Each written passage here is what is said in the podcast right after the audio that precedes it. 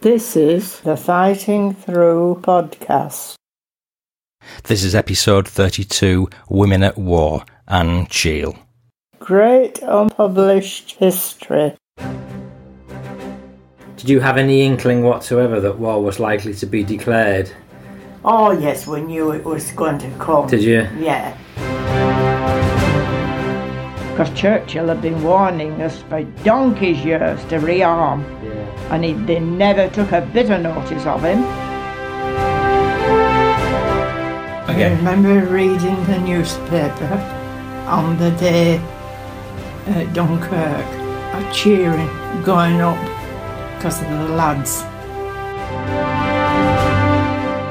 Well, clothes were rationed, yeah. yet you got so many coupons, and when you'd spent those, you couldn't buy anything else till the next lot came. When it was being opened, the Lady Bearers fell in the water. Gee. It was all over the paper. Hello again. In case you're in any doubt, this is episode 32 of the Fighting Through podcast starring Anne Cheel, namely my mum. I'm Paul Cheel, son of Bill Cheel, whose World War II memoirs have been published by Pen and Sword in Fighting Through from Dunkirk to Hamburg. The aim of these podcasts is to give you the stories behind the story. You'll hear memoirs and memories of veterans connected to Dad's War in some way, and much more. You've just been listening to some extracts from interviews with my mum about her war years, and I'd like to thank her for sportingly recording the intro to this episode. She was born in Darwen in Lancashire, near Blackpool, England, not all that far from Manchester, and was 17 when war was declared, so it wasn't long before she had to join the armed forces or to be ordered to take up some other pursuit. But she certainly wouldn't be allowed to stay working in a wallpaper factory. You're going to hear commentary on how she staved off the threat of hunger, the dangers of working in a bomb factory, the humour from working for a German boss, and how Mum stood in as a surrogate agony aunt for one of her friends who thought she was pregnant. The friend that is not my mum. Plus, the amazing adventures that one of Mum's men friends had flying and trying to sink the German battleship, the Bismarck. Before I get into the nitty gritty, I've got a load of feedback and my relative stories for you. Here goes. So, for starters, here's a great comment from someone deeply affected by the Queen Mary episode. I just wanted to say thanks for the Queen Mary episode. A little uncanny because I've only just started listening to your podcast and I've only recently begun to research my grandfather's military experience. He was Albert Robert Beale and he died in the sinking of the Curacao. Listener, just to clarify here, the Curacao was sliced in two by the Queen Mary in an accidental collision. He was a leading seaman in the Royal Fleet Reserve, which he joined at the end of World War One. I've sent you the only photos I have of him. He was from a family of 15 brothers and sisters. His wife, my grandmother, was very special to me. She came to live with us in Australia when I was about nine years old. She loved him so much that she never remarried. Consequently, she didn't speak about him much, as it was too upsetting. Thanks for reading those couple of journal entries. A bit weird, but it gave me some emotional connection to a man I knew little about, but have always wondered about. Regards, Rob Callahan. Well, thanks for sharing that, Rob. Nice. You know, that kind of comment is undoubtedly one of the reasons I do this show over to a few Facebook likes, etc. Uh, thank you to the numerous people who've liked my Facebook page recently, um, fighting through from Dunkirk to Hamburg. I'm trying to deliver interesting stuff to the page without deluging people, so take a shufty if you get a minute during tiffin. I'd like to give a shout out to the following people who've been in touch. Firstly, Andy Dryden from Somerset in the UK. My granddad was in the Royal Engineers in World War II, but I can't find any history on him. He got hurt in 1944, and I think that was his war over. He was Corporal Tom Dryden of 284 Assault Squadron, Royal Engineers. I'm still tracking down where he actually served. Listener, I've directed Andy to take a shifty at the World War II Talk.com website to start his search. But if anyone listening has any info about 284 Assault Squadron, Royal Engineers, give me a shout. I've listened to your episodes over and over. It feels a little like my own history, let alone granddads and fathers. I served with lads from Newcastle, Barnsley, Durham, Yorkshire, Cornwall, and Somerset in the 1st Battalion, the Light Infantry, now the 5th Rifles. Andy, I bet you could have had a great chat comparing notes with Wilf Shaw, RIP. Add a lad from Gateshead to that list, and you'd have been in clover with him. Andy continues, I served in Northern Ireland, Africa, and Scotland duties at Edinburgh Castle. Your podcast makes me feel proud to be British. Please send my best to all who served in the 1st Battalion, the Light Infantry, from 1998 to 2001, who served from Northern Ireland to Sierra Leone. Andy, a big thanks for all you wrote, and even more thanks to the service you gave to your country. Well done, that man. Very briefly, here's a list of people who've kindly taken the trouble to write in and say how much they enjoy the show. Some have even bought Dad's book, and thank you very much for that. We'll get to reprint yet. Anyway, we've got Niall O'Connell from Ireland, Donald from Sweden, he managed 31 episodes in just a week. Well done, Donald. Randolphus from Canada. And thank you for the iTunes reviews by PJB33 from Australia, John Rayner UK, and Mark N4CC from USA. Over to Chris Lammy Lake. My uncle's father was a desert rat with Monty's 8th Army. However, he died six years before I was born.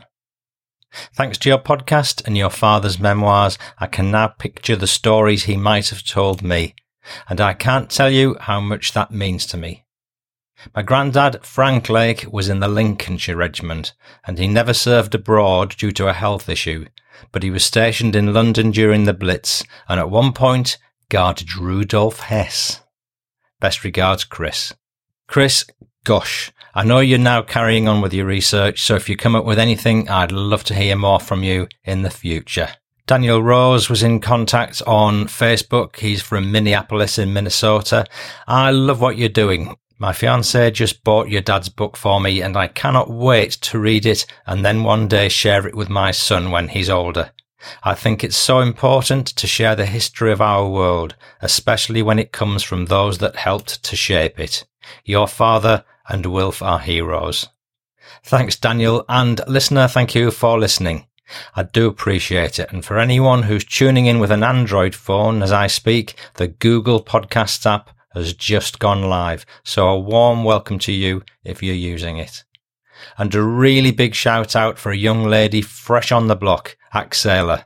I won't call her by her real name out loud for fearing of setting numerous devices tripping off all over the world.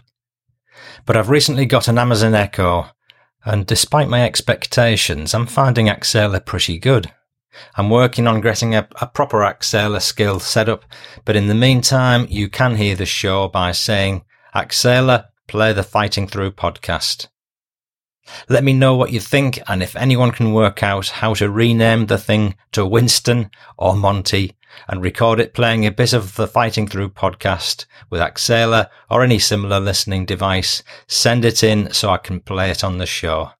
There's a free signed copy of Dad's book in it for you if you're the first to be drawn out of the late Wilf Shaw's old helmet. And I'll get my mum to sign it too. I'll run this until the end of September 2018, but after that date, if you manage to do anything else fancy with Excela or similar, send them in. I'd love to hear it. As usual, contact details on the Fighting Through podcast.co.uk website.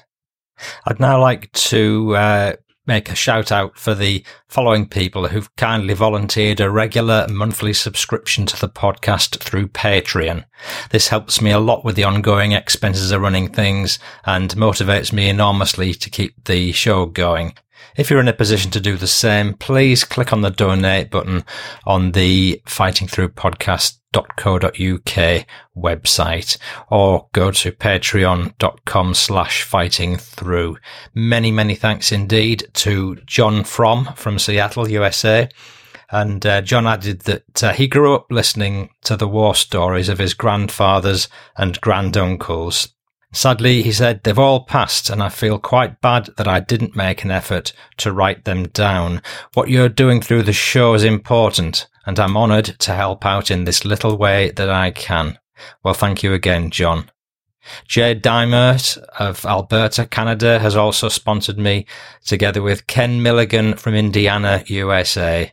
And Ken says, I wanted to let you know that my granddad, Herschel Milligan, was active on D-Day in the army. Then he went through the Korean War and finished in Vietnam. He enlisted at 16 as a private and retired a captain. He was the company intelligence chief and communications officer, so all he would say to me was, I was a soldier and good at it. I asked him once if he met Patton, and he said, You know the scene in the movie when he's directing traffic? I was in that caravan and 10 feet away from him. How good is that?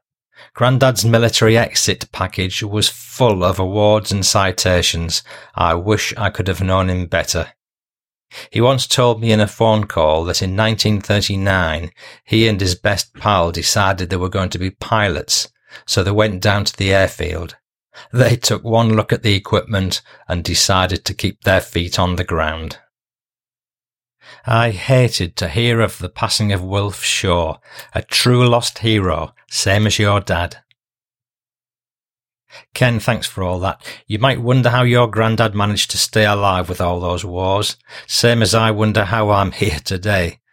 You sent me his obituary, which I'm putting in the show notes, and he actually served his country for over 30 years, retiring in 1969 with honours in a ceremony and parade at Fort Knox, Kentucky. And I reckon that he gets this month's How Good Is That award. I'm now going to turn to the recordings I made with my mum about uh, her World War II. Uh, please do bear in mind that the following recordings were made at many different times and circumstances, so do forgive me on some occasions when the sound quality is not so good. Any problems, they're all down to me. The recordings were made over the last few years, and Mum's just turned 96, and I can't wait for her to be able to listen back to all these memories. But this has turned out to be a real history of a young civilian girls' war, 1939 to 45. Enjoy. Do you remember how it came about? Were you did you have any inkling whatsoever that war was likely to be declared? Oh, yes, we knew it was going to come. Did you? Yeah. Everybody knew it was going to come. Because Churchill had been warning us for donkey's years to rearm. Yeah, And he, they never took a bit of notice of him. And he was right. yeah, When it came, we were very ill prepared yes, yeah. when war came. We thought we'd be invaded. Right. Um, the, the, the Spitfires and that fought them off. Yeah. This was the Battle of Britain. Battle of Britain. Yeah. Yeah. My next question to Mum was uh, What was the first thing you remember when war was declared? What happened? Nothing specifically happened except the air raid siren went off Yes. just after he declared, on Ta- Chamberlain had declared that we were at war with Germany. Ah, do you think that was because there was a genuine air raid, or do you think No, it was a mistake. Ah, right. Uh, but and anyone and everybody was getting the gas mask ready and Yeah. uh, to put on, and uh, then the um, final, the siren went off, So the all clear was sounded. Yeah. and the uh, No raid. It was no raid. It was a mistake. Right. So, would you have started work at 18? Would you have been at work at that Oh point? yes, started to work when I was seventeen, I think, because I, I I worked for Dad, my dad, Yeah. in the shop for a while. This would have been a greengrocer's and fruitier's shop. And um, Before the war, you were working at Crown, weren't you? yes, I remember now. well, wallpapers. And then when war broke out, you had a choice of going in the forces, didn't you? You had to. If if if you were eighteen, and then they wanted you for the forces, you had to go. Right. But I I said, I don't want to go in the forces. I want to uh, stay where I am in Darwin. Yeah. That's such a softie. Didn't you work in a factory? Only for a, a short, for only a, only a very short, well, about three weeks, I think it was. This this sent me to um, Restwell Spring Works. Anyway, they sent for me from Walpamer, Crown Wallpapers. And I, and I went to, I've forgotten what he was called, the managing director. I said, Can I have my cards, please? I've got a better job.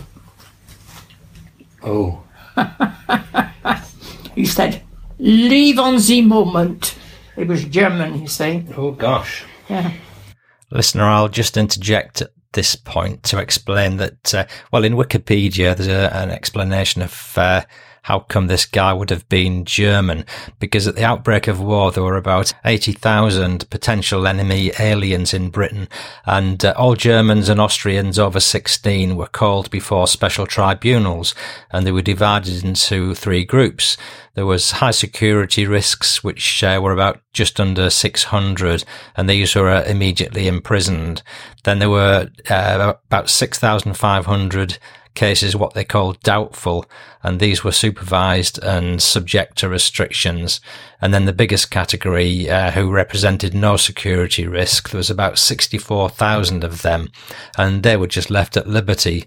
Um, and more, th- well, the majority of these were uh, recognized as refugees from Nazi oppression, and the vast majority of these were Jewish. So I guess this chap was in that category. Bless him. Um, I can't imagine he had a an easy time during the war, notwithstanding his uh, situation. Leave on the moment. anyway, I got my cards. He gave, he gave me my cards. If I hadn't said that, he probably have. Uh, and when I went to the Youth Employment Exchange, Miss Catlow, I never forget her name, Miss Catlow, I, s- I said, Oh, Miss Catlow, I didn't like the, the Restwell Spring Works. I didn't and she laughed like a dream when I'd said, uh, I, I said, um, I've got, uh, I've got a better job. Yeah. He said, leave on the moment, and she laughed like a drain. That was it. Yeah. But if you didn't go in the forces, they could uh, send you anywhere. Yeah. Listener, I'll just interject again. Uh, I had a subsequent conversation with Mum about this, and she said that Miss Catlow uh, told her that she'd had a run in with this boss at some point in the past, so she wasn't too enamoured with him herself. So when Mum told her this story, it was doubly funny. They could uh, send you anywhere. Yeah. But tell me what you actually did do then. Tell me about the factory you worked in during the war. Yeah, oh, the Royal Armaments Factory. It was a new, brand new t- uh, factory. Brand new factory. It was in Lower Darwin, facing Auntie Anna's. Did you nip over there for a cup of tea occasionally? Sorry. Did you nip over to your auntie's house occasionally for a cup of tea? No, I never did. Because I was at an impressionable age then. Yeah. Uncle What- George worked there as well. What were you making in the factory? I was assembling the clocks. You were talking about deburring the inside of the clocks, and then that's about as far as we got. Oh yeah, as some girls did that, and we got the finished thing to put in the bombs and shells, Right. assembling the the clocks, Yes. and it's just like the inside of a of a watch or a clock. Yes. And then um, they went from us somewhere else to be fixed into the bombs. Yeah.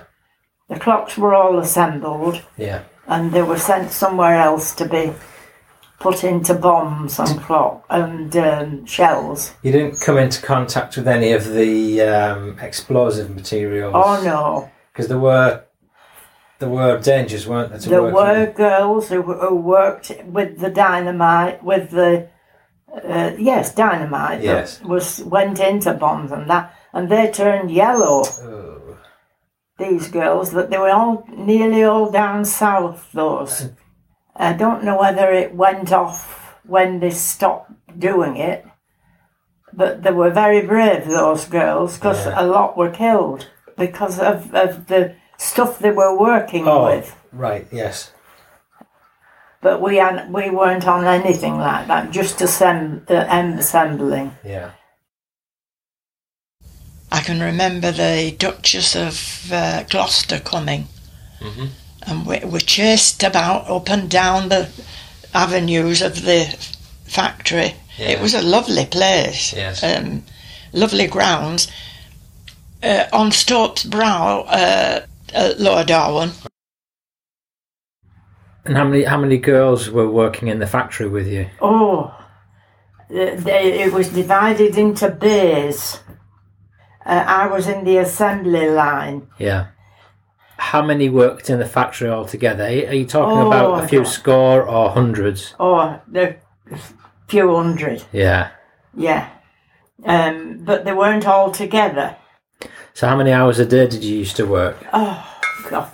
We uh, some started at seven and finished at five, and others started at eight and finished at six. Right. So it, you were on shift So it was ten hours a ten hours a shift. It's ten hours altogether. altogether. Yeah. yeah. Um, Okay. and I always enjoyed the the canteen lunches because I always had a salad and chips. Right. And we always used to say, Can I have some more chips? and, um, Did, did they used to pay you for this? oh, yes. Yeah. Can Yeah. you remember how much you used to get paid? Oh, one and something, I think. Right. One and threepence, something like that. I think Dad was paid two shillings a day, from what Was I he? remember. Yeah. Oh, in the army, yeah, they weren't well paid But yeah. at okay. all. And um, then I used to come home. And of course, everybody, all the men were away. Yeah. fighting, and I thought I'll do something useful. I went to n- night school for three years in evening classes Yeah. and got my three certificates. I'd always done it at school and, and enjoyed it. Yeah. and I got distinctions. Uh, then I took two years at Harris, as a Harrison Institute to take City and Guild. Right. That was quite a long period of study then you had to put in Oh yeah, outside of your work. yeah. I had lots of friends. Yeah. Um, Auntie Florence was your main one, Auntie wasn't Florence she? was uh, known from her being a baby Yeah. because she used to. Uh, our my father's business was right across from where she lived, Yeah. and we did everything together. And then I had Eileen. I had uh, several friends, Yeah. but Florence was my m- bosom friend. Yeah. we used to uh, like going to the theatre Yeah. and we went to lots of shows at Blackpool at the Grand Did you? Uh, at Blackpool. What sort of shows did you go and see? Oh, so I'm an eagle there. Uh, you won't know I'm an eagle. I'm an eagle and Webster Booth. um, she she was in the film. That certain night, the night we met, there was magic abroad in the air. Berkeley Square, Oh yes, you know, yeah. and you went. We used so the to musical shows. musicals Yeah, mainly, yeah. yeah. Uh, lots of went to Bolton m- with Eileen, and we saw ma- lots of amateur dramatic yes, shows. I had I have the program somewhere. Eileen and I, we went to the cinema mainly and dancing at uh, socials at the Sunday school Yeah. and uh, the bigger dances, the police ball and Rotary Club ball at the baths. And the baths had a, a floor they used to put over the swimming pool, Right. made it into a dance floor. This is at Darwin. This is at Darwin. Yeah. Yeah. It's all pulled down now. Yeah. It's not there anymore. That was our main recreation. Yeah. And what did, what did you think of Dunkirk when that came around and the evacuation? Oh, um, we were all agog listening to all the news about the little boat, all the little boats going out. Yes. Some rowing boats went. Were there? I didn't know that. Um, uh, I don't know whether they were had an engine on them. Yes. or what, but the, any sort of small craft, Yes. you had to give it up to go across to Dunkirk. Yeah. And there were thousands of them I think- because the big ships couldn't get far enough in No. to, onto the beach. I think they, they used some of the smaller craft to ferry troops from the shore to the To bigger the bit, to ships. the boats. That that's what they were for. Yeah. Although I think some of them, the pro- I guess the medium-sized ones, made the made the full journey Yeah. with troops on board. yeah. Oh yeah. But it was mixture, mixture, wasn't it? and, and oh, the paper was full of it. Yeah, uh, you know, after after it had happened, m- we're all we're all agog. The poor beggars that were left. I Yes. didn't know Dad Yeah. then. yeah. I when I went to France recently, we went to this cemetery in a little village called Hange. There was a lot of gravestones there, and they all belonged to soldiers from the Royal Norfolk Regiment and the Royal Scots, who were all killed around about the end of May, beginning of June. Yeah, and they were uh, evidently all caught up in the defending the rear with the rear guard yeah, defending the retreat and it was guys like that that got killed yeah, because they were the last ones Lo- yeah. to leave as it were Listener, if you'd like to see a, a short video I did of Ange or Ange or Hinges, um, go to the Fighting Through podcast.co.uk website and click on the videos link and you'll see that video and a lot of others I've done uh, on D-Day, Gold Beach and Dunkirk, etc. Um, yeah, it's a right little self-contained TV channel if you, uh, if you'd like to take a quick shufty. Thank you. And then there were a lot left. oh well yeah there was a And lot of, pris- French were left. lot of prisoners we we took Fren- some french back though didn't we Oh yes. Yeah. Yeah. but um But- no, the, these guys in particular uh, effectively saved dad's life because if they hadn't been defending the last line Yeah. he uh, wouldn't have been safe to No. evacuate. No. But it was those two regiments apparently particularly involved. I guess there were others. Yeah. As you say, there were French people as well. Yeah. And I, I don't know whether Dad would have got to the mall if it hadn't if he hadn't gone with Major Patch. Well, I guess he wouldn't. No, Yeah. no. because Major Peck said, "Come on, uh, Bill, we'll go down here and see what we can find." See what we can. Cheel, find. he called him, Yes. uh, Yeah. and they got off, and Back- they were all dirty and they're they're Exhausted. uh, exhausted. Yeah. And Bill was, um, I think he he was um, came off from Dunkirk t- to to Wales, Yes. Cardiff, Yeah. and he was it, it- the following morning still dirty. Hadn't they had, hadn't been washed or anything. He was looking in a, a shop window, and those three people on that picture Yes. in the hall uh, came up to him and said, "Have you come just come back from Dunkirk?" And he said, "Yes." And they said, "Well, would you would you like to come back to our house for dinner?" Yeah. and he went with them, all dirty and mucky. Eh, Gosh. So whether he had a bath there or, or not, I don't know. And they were lifelong friends after Yeah. that. Yeah.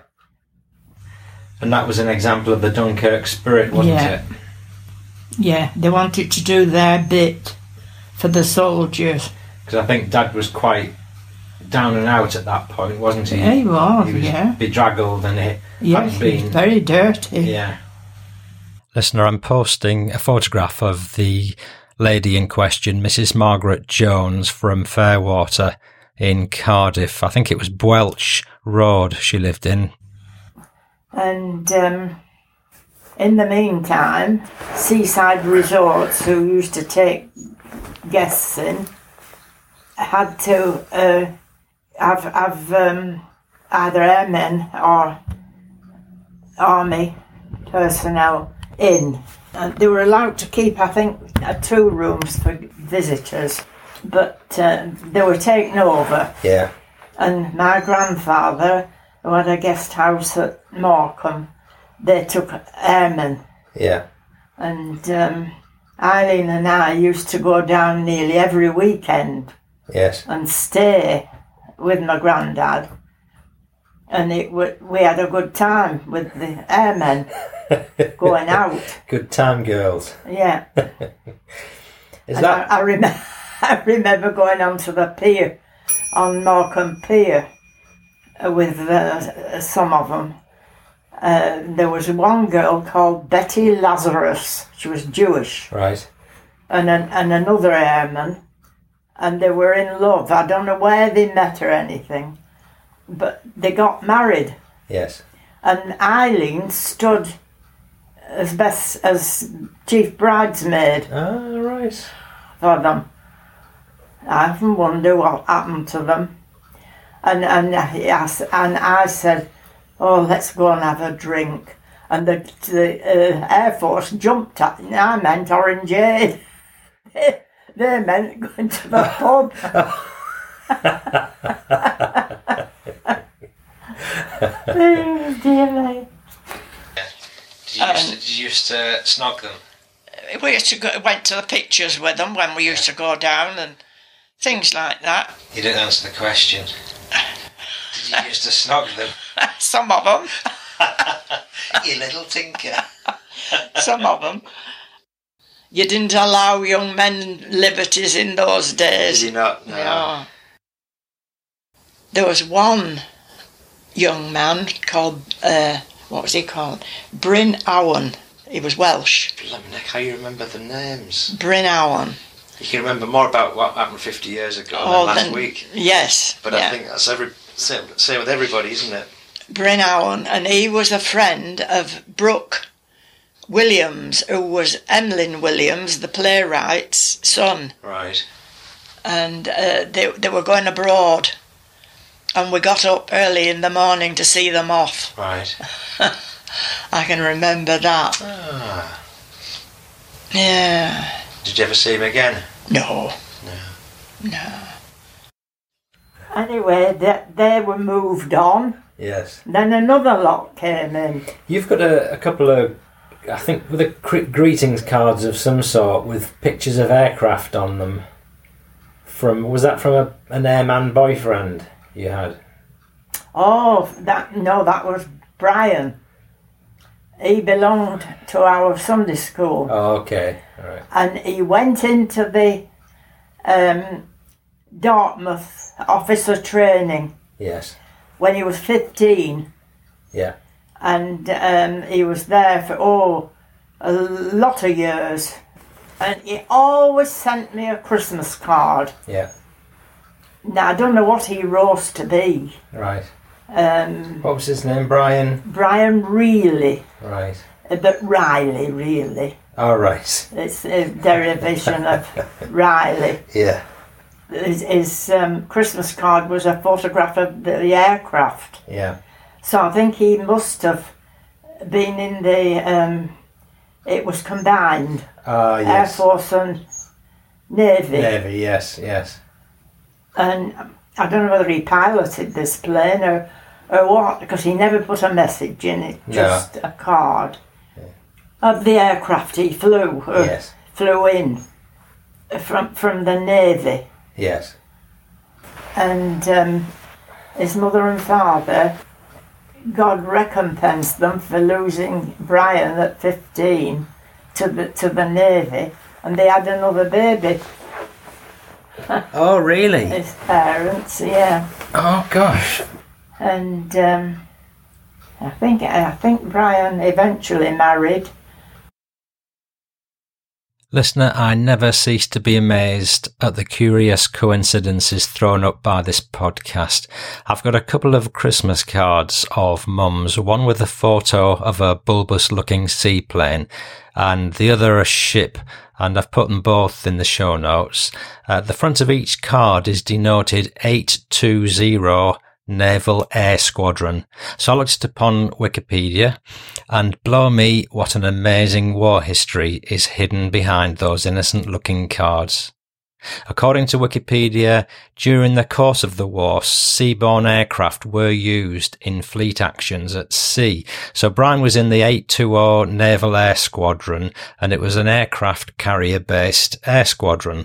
Um, Pre war, they carried out spotter reconnaissance duties for the aircraft carrier HMS Courageous. So even before war was declared, stuff was going on that the general public probably didn't know about. I've put a Wikipedia link to all this stuff in the show notes. Uh, by April 1940, they were supporting Allied operations during the Norwegian campaign, where they bombed airfields. Now, aircraft from this squadron were involved in attacking the French fleet in French West Africa and they were also active in the Med during the Battle of Cape Spartivento with the Italians, as well as covering convoys to Malta. The next major engagement was the hunt for the German battleship Bismarck. Aircraft from the squadron were able to disable Bismarck's steering gear with a torpedo hit, allowing Bismarck to be engaged and sunk. The squadron was then active in the Battle of Madagascar, followed by Operation Torch, which were the Allied landings in North Africa. And during these operations, aircraft from the squadron sank U 331, which had earlier sunk the battleship HMS Barham. They remained in the Mediterranean to provide support for the Allied landings at Sicily and Salerno. And so the action continued. Listener, I'm sitting here with my jaw on my desk and my eyebrows touching the ceiling. I cannot believe all this action exists and that Brian, mum's Sunday school friend, could have been involved in many of these actions.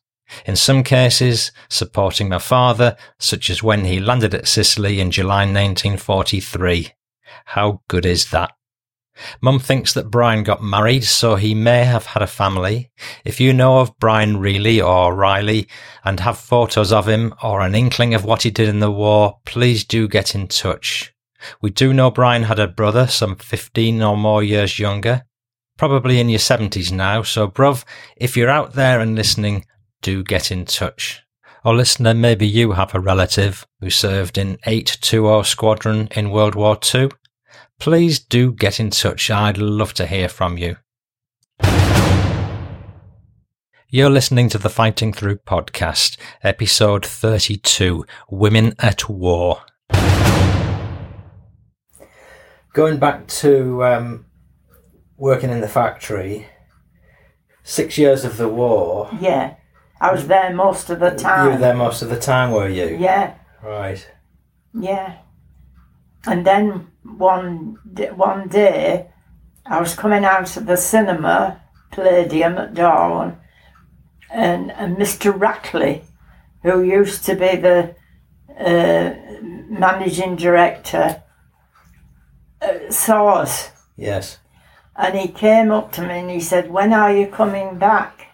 And I said, Oh, well, any time when you're ready for to, to take us. Yes. So we had to give in our notice at the Royal Ordnance Factory.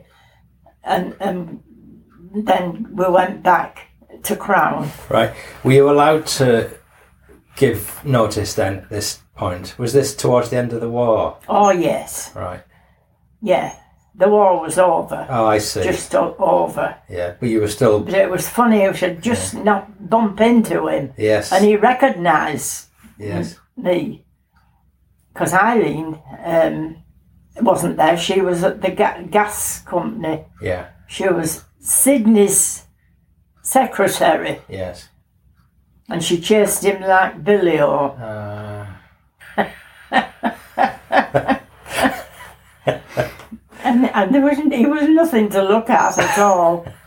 But he, she was after the, somebody with a good job, yes. Yeah. and she got him.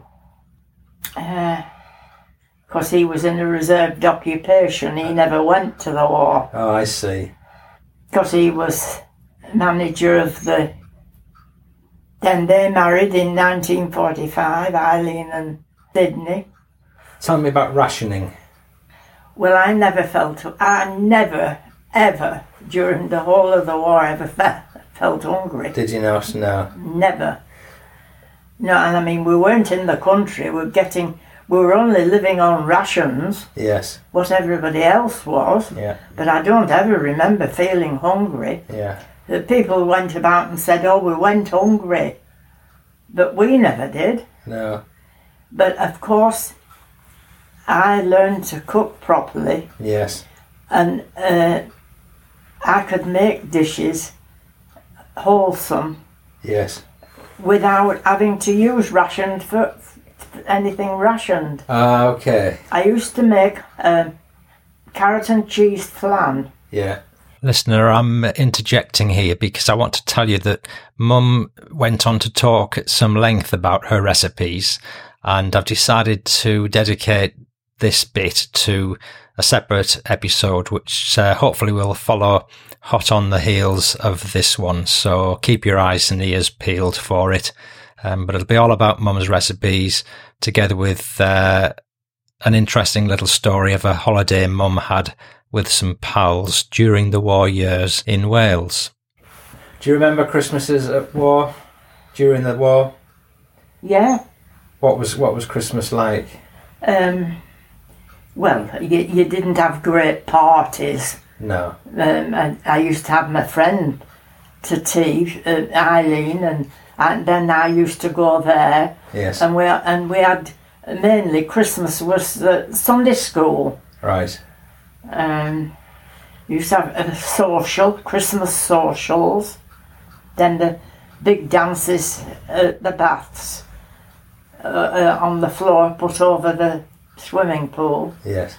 and we, I remember that being built Gosh.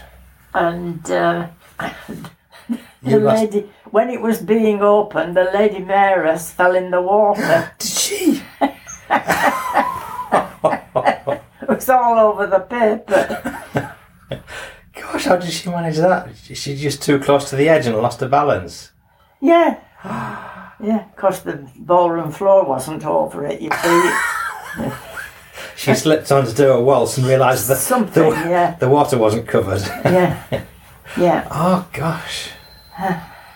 But it's not there now, it's gone. No, no. And uh, they, uh, there were swimming baths, and uh, you could go there and have a bath, um, a proper bath. Yes. Um, Like, to clean yourself. yes. Yeah. used to go to the cinema, all the war films and and that. We used, used to go to the cinema a lot. If we weren't going dancing, we went to a cinema How or a much? social at the school. How much would it have been to get in the cinema?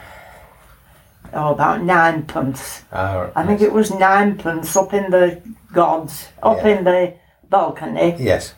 and and and less on downstairs. Right.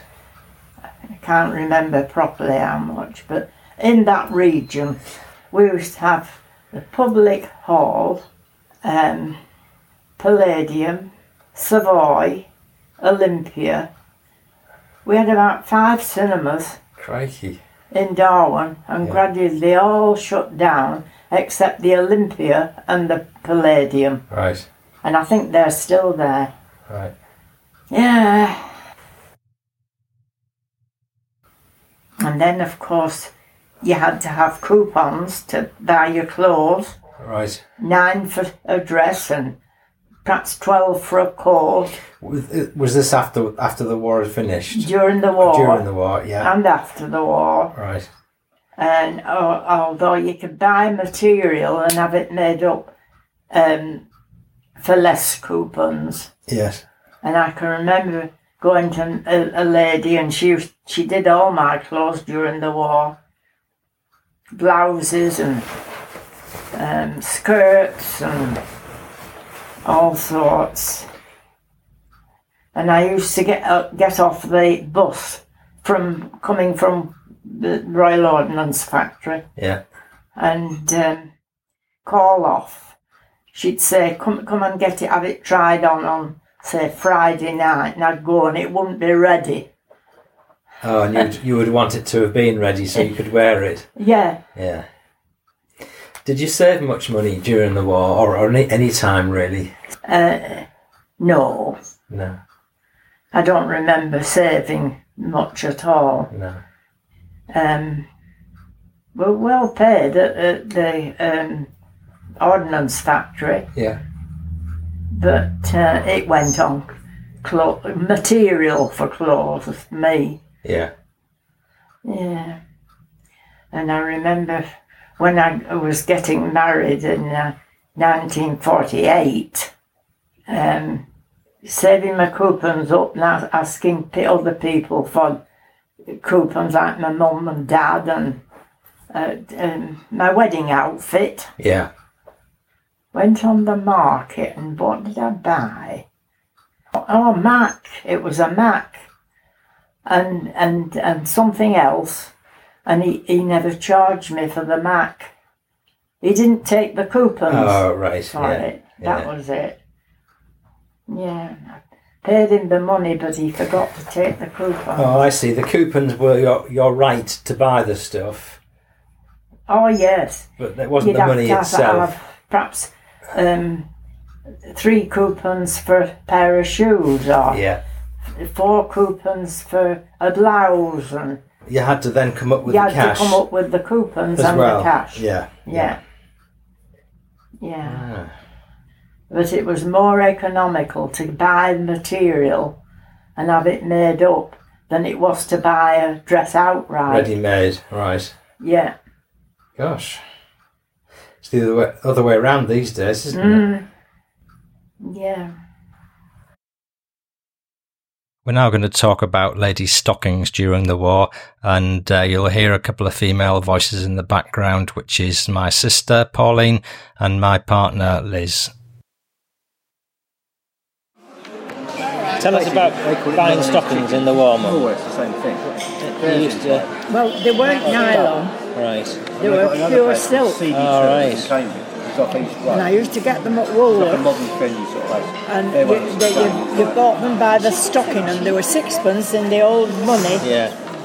for a stocking. wasn't it? Two And and I a used to buy three. I'd like to know what that is now. Translate it, the cost. half. But two and a half p. But in real terms, you mean? Yeah. How much would it have been for a bar of chocolate in those days if stockings were Oh, sixpence? So what else do you remember about the war? But I can remember about the stocking. Burnt ochre. Sandwiches or something. Oh, I'm sorry, we haven't any burnt ochre left. Oh, Lord. That was obviously the most popular colour. About 12, 11, 12 quid. Must be had seams up. Something that comes up. Six, uh, either two at a tea, two at a Didn't get pound. stockings without I seams always, then. I always know. Oh no, no. But I mean, real silk. There can't have been much stretch in Yeah. that. Oh, they were all right. Used to look nice. Yeah. And we used to uh, uh, stain our legs with co- cold tea to, uh, and, and put a seam up the back with a, a mascara, uh, with a Line Uh, eye, eye, I remember. I remember you telling me about that. Yeah. Honestly. When you had no money for stockings, you used to cover cover your legs. So how did that work then? How did Inside you? Did you with a tea bag? Oh no, there weren't tea bags in those house. days. So how did you You'd make apply a it to your brew legs? with strong tea? No, Yeah. no. I heard that one, but, yeah, I heard that it's in the rest of the sponge. Ah, right. and uh, presumably it just washed off. Oh yeah, Yeah. So it's only like a temporary. Yes, it's only a temporary thing. Land girls, yeah, but theirs were woolen, knee length. It went over the trousers. It's quite interesting that when you start looking at what women did in the war, because women took over from men. So they used to drive the buses and they used to work in the factory. And they reckon that's when women got liberated. Yeah. Because they had Oh to yes, do the things. when women had Yeah. been out to work and they were earning a good salary, Yeah. they didn't want they didn't want to stop at home after the war. No. Oh, great They had their own money. They were independent. Yeah, I wasn't old enough. I was only seventeen when it Oh, started. Yeah. Where, so where did you used to stay for your lunch? At Uh, the factory? The Royal in the canteen. When we you used were- to have Right. music while you work, and during the lunchtime they'd have turns on, um, singers and that. Did they? Yeah. Out of the workers, there was one girl had a beautiful voice, and she used to sing. I went to Blackpool for the weekend once. I went with Mary Townsend and Dorothy Cross that time, and Dorothy Cross, she was a, a- always laughing, always la- always good tempered, and she used to make us laugh. And I think we laughed from going to coming home. And one uh, holiday we had at Blackpool, I think it was just a weekend, she met her future husband. He he was in the Air Force. Right. One of the lads that were in uh, my grandfather's. Yeah. And she she she married him, and um, he came, he was a Cockney. He came from London somewhere. Yeah. And when we were coming home, she missed the train, and we were worried to death. Yeah. She turned up with him. Oh. He, he took come home with her, Oh gosh. and uh, uh, after a short time they got married. What, But then he became ill. Something the matter with him. I don't know what it was. Yeah. And he died. She she was a widow for years. Mary Townsend's that one on the picture Uh, oh, on the that's it, snap. was it? Yeah, that was Mary Townsend. She was the loveliest girl. No, she hadn't a bad bone in her body. Yeah. Ah. and she used to call for me every morning going to the office. Every morning she'd call for me, and then we'd call for Irish Kenyon and walk, walk together. No such thing as catching the bus or the tram. No. We, we walked. How far would it have been to walk to work? Oh, it'd be a mile and a half. Yeah. It was a long way, Yeah, far enough. uh, far If enough, you're going to work. It's yeah, to walk there and back not every like a- day. it's not like you're going on a country walk for fitness. It's just. I trying mean, to they'd to just work. get in a car now and Yeah. ride. Yeah. Yeah. And be the- and be worse off for it. Yes, yeah. Used to walk everywhere. I used to, uh, once a week it was fellowship at church. Then it was um, uh, choir practice every week. I used to walk right up to, from home, uh, right up to the congregational church for choir practice. Yeah. And that's a, a a longish way, but you walk, you didn't think to catch a bus or a tram. No. No such thing as just bobbing into your car. Only the doctor and very well to do people that had a car. Yes. Darwin. Yeah. Hmm. It's interesting that Dad had a new car when he was 19. Yeah, yeah, And the, the shop must have been doing a fairly good trade.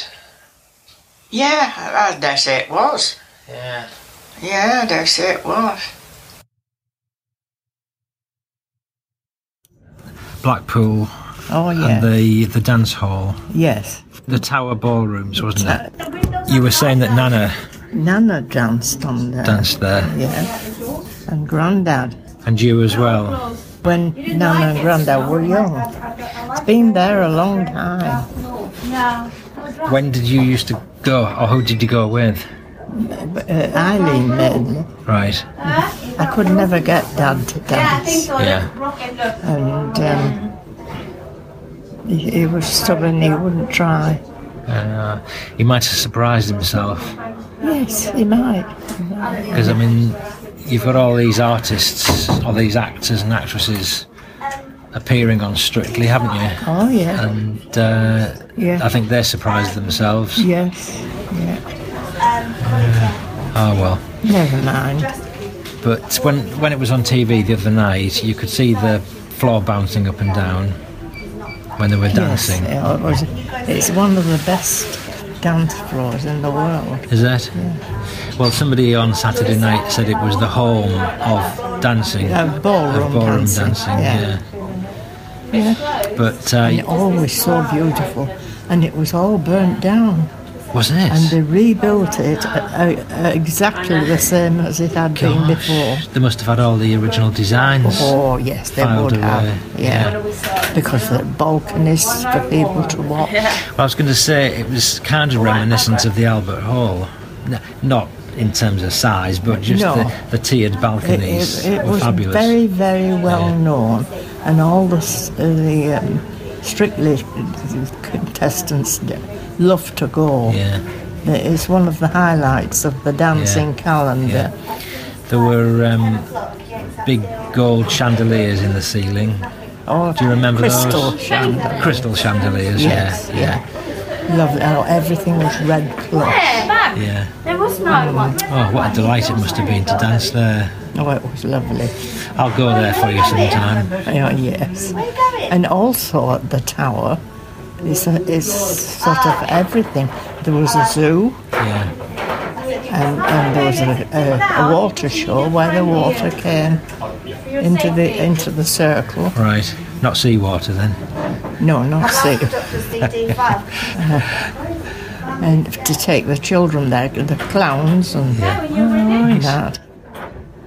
Uh, So what dances would you have danced when you went? foxtrot, Right. uh, slow foxtrot, a quick step, waltz, um, all the ballroom Yeah. dance. Yeah. None of the Latin, Right. because nobody did then. Yes, it was. It was uh, very cold at Blackpool. Was it? Mm. Yeah. The sea was a long way out, not like Bournemouth. Right. It's a long way out. Bournemouth was a lovely beach. It was. Yeah. I remember it when I was a kid, obviously. Uh, You see, the sand, it was a b- wide strip of sand, Yeah. and it was good for making sand pies. oh, of course, yes. Yeah. Mum shared this one with me just a couple of weeks ago, and it's the one job she didn't generally talk about during the war because ahead of her time, for a brief spell, she became an agony aunt. Vanessa Feltz, eat your heart out. You said there was a girl when you were at work. Did she go out with a man and thought she got pregnant? She went out at a date with him. He was Polish anyway. Yeah. and um, they, Uh, they, they got him, uh, and she let him Yeah. and and, and uh, her period should have come and it hadn't come A period should have come on. Yeah. and she, she, she said what shall I do Anne I said "Well, I don't know what to do yet to do pet I, I've never been with a man Right. And th- This was, I don't know, but she was, she Yeah. fancy coming to me. I said, go home and have a cup of hot tea. Yeah. And then when she came the day, I said, no, it's not done it, Mum. I said, well, go home and have a two cups of hot tea. right. And then that next day, it was all right. It had come. I said, well, don't go with any more Polish men. Yeah. All right. All right. I don't think the fact that we, I don't think we'll blame it on him being Polish though. He was No. just a he was just Oh, a man no. who I happened to said, be Polish. Or any men, and Yeah, then you're safe. Yeah. That's the only way To be sure. Yeah. to be sure. Because there was all sorts of them. Do you remember when uh, VE Day? When peace was declared Yes. on television, on uh, radio, not television, Yeah. um, oh, everybody went mad. They were having street parties and parties in the streets for children, Yes. trestle tables, and jelly and all sorts of stuff. People had saved up for it because we knew it was imminent. Ah, right. and uh, then everything fell flat. The p- soldiers came back and did no jobs to go to. Oh, There were a lot selling s- matches in the streets in London. gosh. Officers, Yes. um, and they, were- they, the women had taken over all the jobs, but they had to give the jobs up Right. uh, to the man who had it prior to going to war. Right. Yes. but um, the, the, it was uh, uh, it was worse than wartime Yes. because everything was bombed, you know, in London and uh, most pl- Portsmouth, all the ports had been bombed badly, Yes. and the East End of London, the poor beggars, I don't know how they stuck it. Yeah. night after night after night, bombed out of the houses, and um, it must have been awful. The East End of London. Mm. Yeah. I remember Dad writing about when he came back from the Middle East in uh, November 1943, Yeah. and I think he, I think he arrived back at Liverpool, and he saw that bombed to smithereens. Oh, yeah. All the ports were bombed. Yeah. Liverpool, Portsmouth, Dover. Those poor people in London, it must have been terrible for them.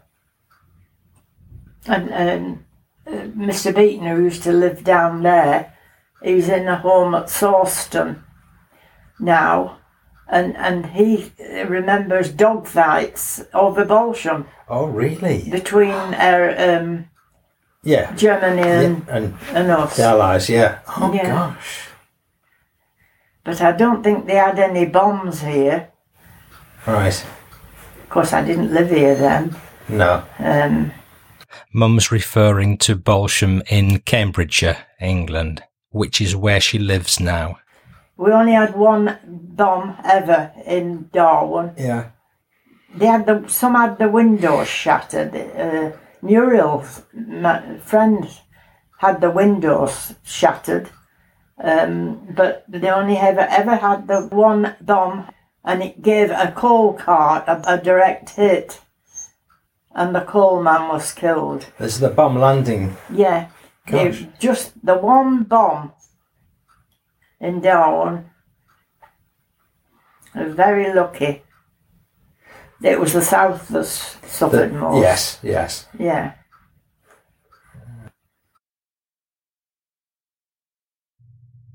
What were you doing the way the day the war was over? Were you working? Ah, can't remember what I was doing the day war was over. Can you remember if you celebrated? Can't remember celebrating, no. Can you not? There, were- there were no street parties. Or, well, in the, in the poorer places of the towns, there were.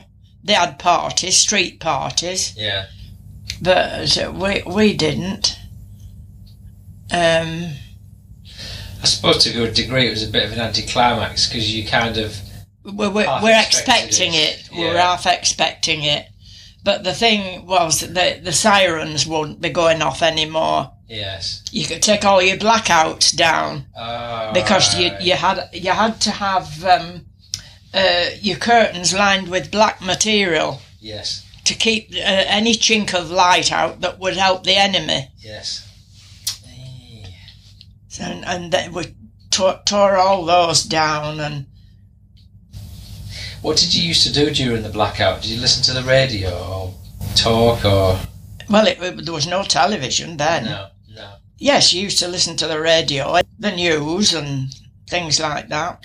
It Because I was younger then; I was only eighteen, Yes. Yeah. uh, and um, you could listen to dance music on the radio. Yeah. We didn't know about television then. um, I never remember being unhappy or uh, ill-fed No. or anything. No. But I remember you once told me they took to they took the ironwork, the railings off. Oh The house. yes, Uh, all all uh, uh, the the road that where Nana lived, uh, the, it was all railings on top of those low stone walls, Yes. and they came and took them to make you to hand all your old pot, uh, kettles and pans and things That you didn't need. in to make aircraft.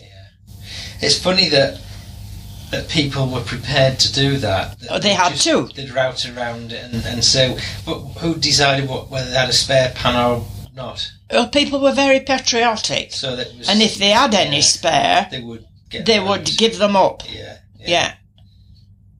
As I think they would these days. I think they would these days. Yes, I think they would. Yeah, uh, people are dr- are drawn together. Yeah. There's a, a nicer atmosphere about people. Yeah. They pull together when there's an emergency. Yeah, We, we went on the train to Blackpool and Morecambe. Um, still have outings. Entertainment. Yeah, there's a, a few of us went from the office to to Blackpool, and and one of the girls she was called Dorothy. I don't know what her surname was now. I've forgotten, and she was looking for a a, a cross and chain. Yeah. And we, we were looking in all the jewellers' shops for a nice cross and chain, and, and we came to a shop with, uh, and there was a, a big stone cross in the window. And I said, How about that one, Dorothy? and we laughed and laughed and laughed. We couldn't stop. Because it would have been. Stone cross. Next episode Wartime Recipes. Hear about my mum's culinary skills learnt over several years at college whilst she put them to good use in keeping hunger at bay during the war. Learn her secret recipe for carrot and cheese pie and other delightful tummy fillers. So listen in next time.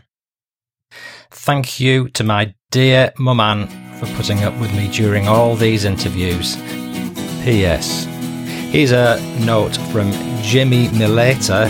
He sent this into the Facebook page, Fighting Through, and uh, he says, Paul, I've been listening to your podcast for over a year now. Keep up the great work. Celebrating Independence Day from Lake Geneva, Wisconsin, USA. And God bless all veterans. Well said, Jimmy. Thank you for that sentiment. I'm Paul Cheel saying bye bye now, and here's my mum with her reprieve of all the best bits from this episode. Because Churchill had been warning us a donkey's year to rearm, and he they never took a bit of notice of him, and he was right. I never, ever, during the whole of the war, ever felt so oh, hungry. Did you not? No. Never.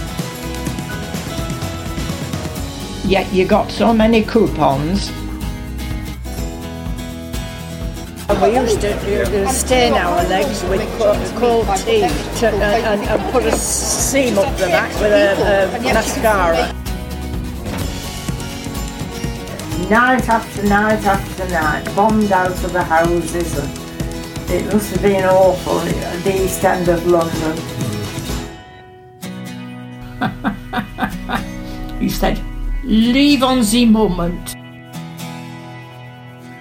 I said, I'll go home and have uh, two cups of hot tea. right.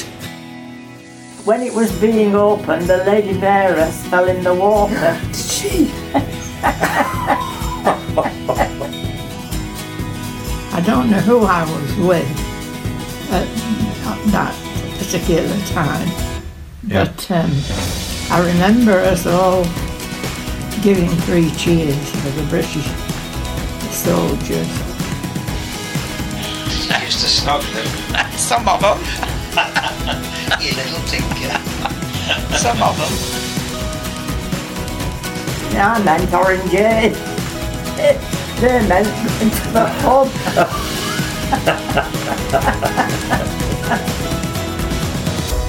I'm Ann Cheel saying bye bye now.